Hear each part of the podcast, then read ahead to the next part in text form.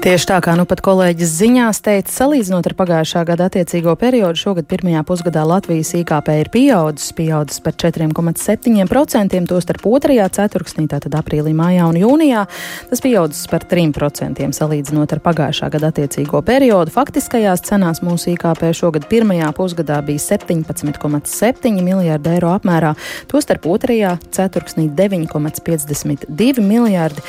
Kādus vēl datus ieguvusi un šogad publiskojas centrālā statistikas pārvalde. To mums tūdaļ pastāstīs centrālā statistikas pārvaldes ceturkšņa nacionālo kontu daļas vadītāja Gita Čiņķevska. Labdien, Gita!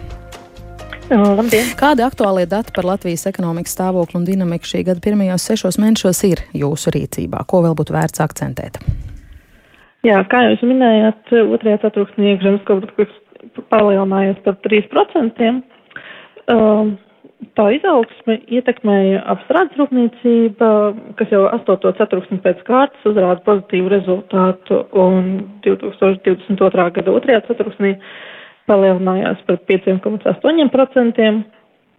Un tāpat būtisku ietekmi uz kopējo izaugsmu deva arī informācijas un komunikāciju nozaru darbības, kuru pieaugums bija 15,3%. Un, protams, pārvietošanās, pulcēšanās un epidemioloģisko ierobežojumu atcelšana veicināja izmitināšanas un ēdināšanas nozares pozitīvu attīstību. Un šajā nozarē pieaugums bija 77,4%. Bet uh, vislielāko negatīvo ietekmi uz IKP izaugsmi atstāja tirzniecības nozare, kura salīdzinot ar iepriekšējā gada otro ceturksni samazinājās par 8,2%.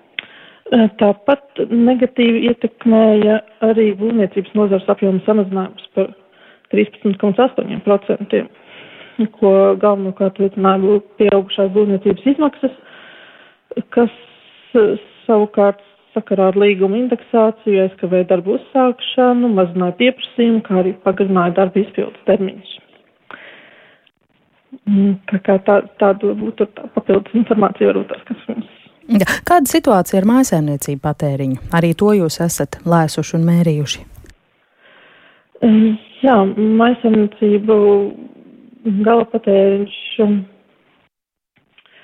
ir palielinājies par 8%, 8% šī gada otrajā ceturksnī. Un arī vidējās algas dinamika šajā pusgadā ir jūsu redzeslokā kā alaža.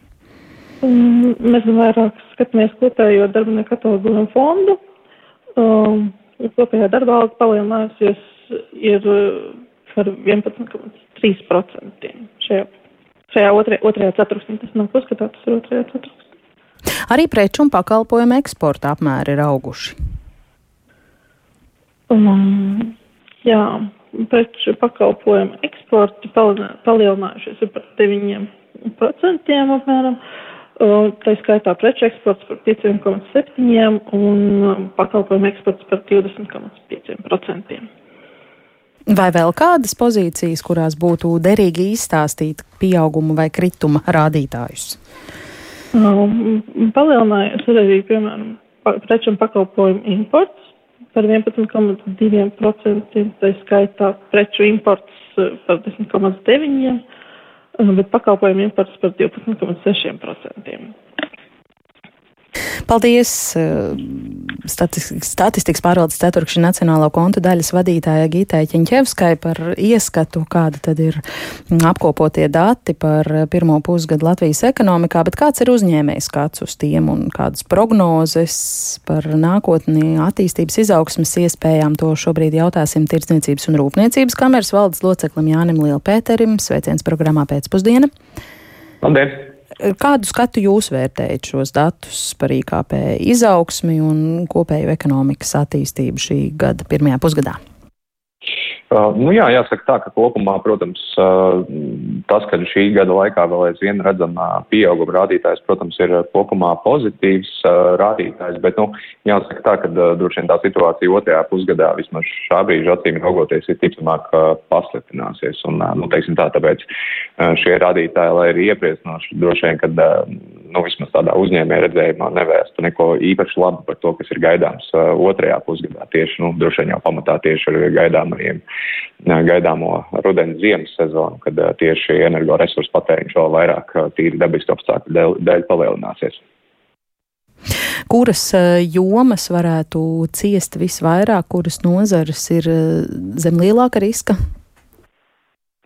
Jā, nu jāsaka tā, ka droši vien, nu vismaz arī skatoties uz statistikas pārvaldes apkopotiem datiem, gribētos teikt, ka jau šobrīd redzam to tendenci tirdzniecības nozarē, kur, nu tad tā ir viena no nozarēm, kur iezīmējās negatīvais rādītājs IKP jomā, un tas visticamāk saistās ar to, ka iedzīvotāji vairāk naudas pietaupa, nezinot, kāda būs šī situācija rudens ziemas periodā, un visticamāk, ka tā tendence nemainīsies un vēl vairāk sācināsies. Tādēļ nu, pavisam noteikti bažīgi skatās tieši uz tirdzniecības nozari, nu, tāpat arī būvniecības nozarē. Droši vien tādi ļoti, ļoti strauji uh, uzlabojumi nav uh, gaidāmi tuvākajā laikā un arī tuvākajos saturkšanos. Protams, kas, tas, kas pozitīvi un ko redzam uh, kā tādu pozitīvu aspektu, protams, kad virknē nozaru tieši pēc šo epidemioloģisko ierobežojumu atcelšanas spēja daudz labāk darboties. Nu, tur šķiet, izmitināšanas pakalpojumos tas pieaugums bija pat uh, ap 90%, uh, nu, kas pavisam noteikti šai nozarei, kura vairākus gadus cieta tieši dēļ ierobežojumiem, uh, nu, spēja atkal uzelpot un varbūt kaut kādā mērā pat uh, nu, atgriezties tādā nedaudz uh, normālākā ekonomiskā situācijā, ka, nu, cik to varam saukt par normālu, zinot to situāciju ar energoresursu cenām. Ja jūs sakāt, ka eh, gaidāmais rudens un ziema ir tāds riska periods, vai ir kādas nozares, eh, par kurām varat prognozēt, ka klāsies labi vai ka tajās valdīs stabilitāte?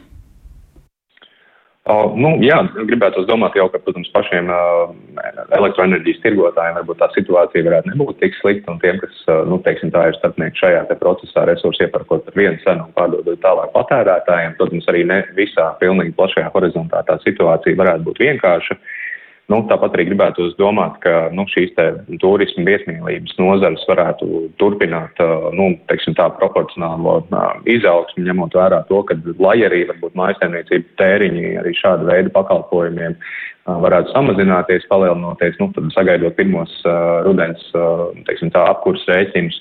Nu, jebkurā gadījumā pie tā, kāda rādītāja bija iepriekš, es domāju, ka salīdzināmajos datos vēl aizvien redzēsim pieaugumu, ņemot vērā arī to, ka nu, vismaz šobrīd runājot par epidemioloģiskās drošības politiku, nu, nav tādu indikāciju, ka varētu virzīties uz kādu līdzīgu ierobežojumu politiku, kāda ir bijusi pagājušajos gados, bet drīzāk jau tādu daudz, daudz liberālāku pieejamību. Jā.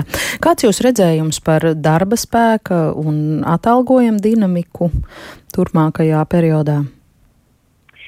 Nu, ja skatāmies, protams, spiediens uz uzņēmējiem un tādu nu, algu celšanu milzīgās inflācijas dēļ ir ļoti, ļoti liels. Un, protams, ka tas, ko jau arī īstenas uzņēmēju organizācijas ir teikuši, ka, protams, tādam no algu palielinājumam būtu nu, ne tikai viens no rādītājiem ir šis te, nu, teiksim, tā inflācijas rādītāji, kas to ietekmē, kas, protams, vairāk tieši šo te ja darbinieku maciņa situāciju padara sliktāku, tad pavisam noteikti ir skaidrs, ka no uzņēmēja puses, lai varētu celt algas, ir jāceļ papildus produktivitāte. Un, protams, ka um, šajā brīdī redzam arī to, ka virkne uzņēmumu, nu, teiksim tā, tos līdzekļus, kas varētu tikt novirzīti darbinieku algu celšanai, šobrīd novirza, lai sāktu operatīvās izmaksas tieši energoresursu sadārdzinājumu kontekstā. Tādēļ, nu, tajā uzņēmuma pusē tā nu, tāds kopējais uzņēmēja sentiments un tādas uh, sajūtas par to, kas ir gaidāms uh, tuvākajos divos ceturkšņos, pavisam noteikti nav, uh, nav pārāk iepriecinošas.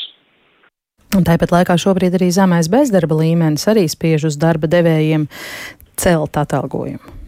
Jā, nu, jāsaka tā, ka mm, darba spēka pieejamības problēma ir šķiet jau nu, tāda, varētu teikt, no, no tādām sistēmiskajām problēmām uzņēmēju problēma numur viens jau kopš vismaz 2018. un 2019. gada Tad 20. un 21. gads pagāja vairāk tajā Covid zīmē, un tad 21. gada izskaņā jau atkal dzirdējām šos signālus par to, ka darba roku trūkums ir tiešām ļoti, ļoti pamatīgs.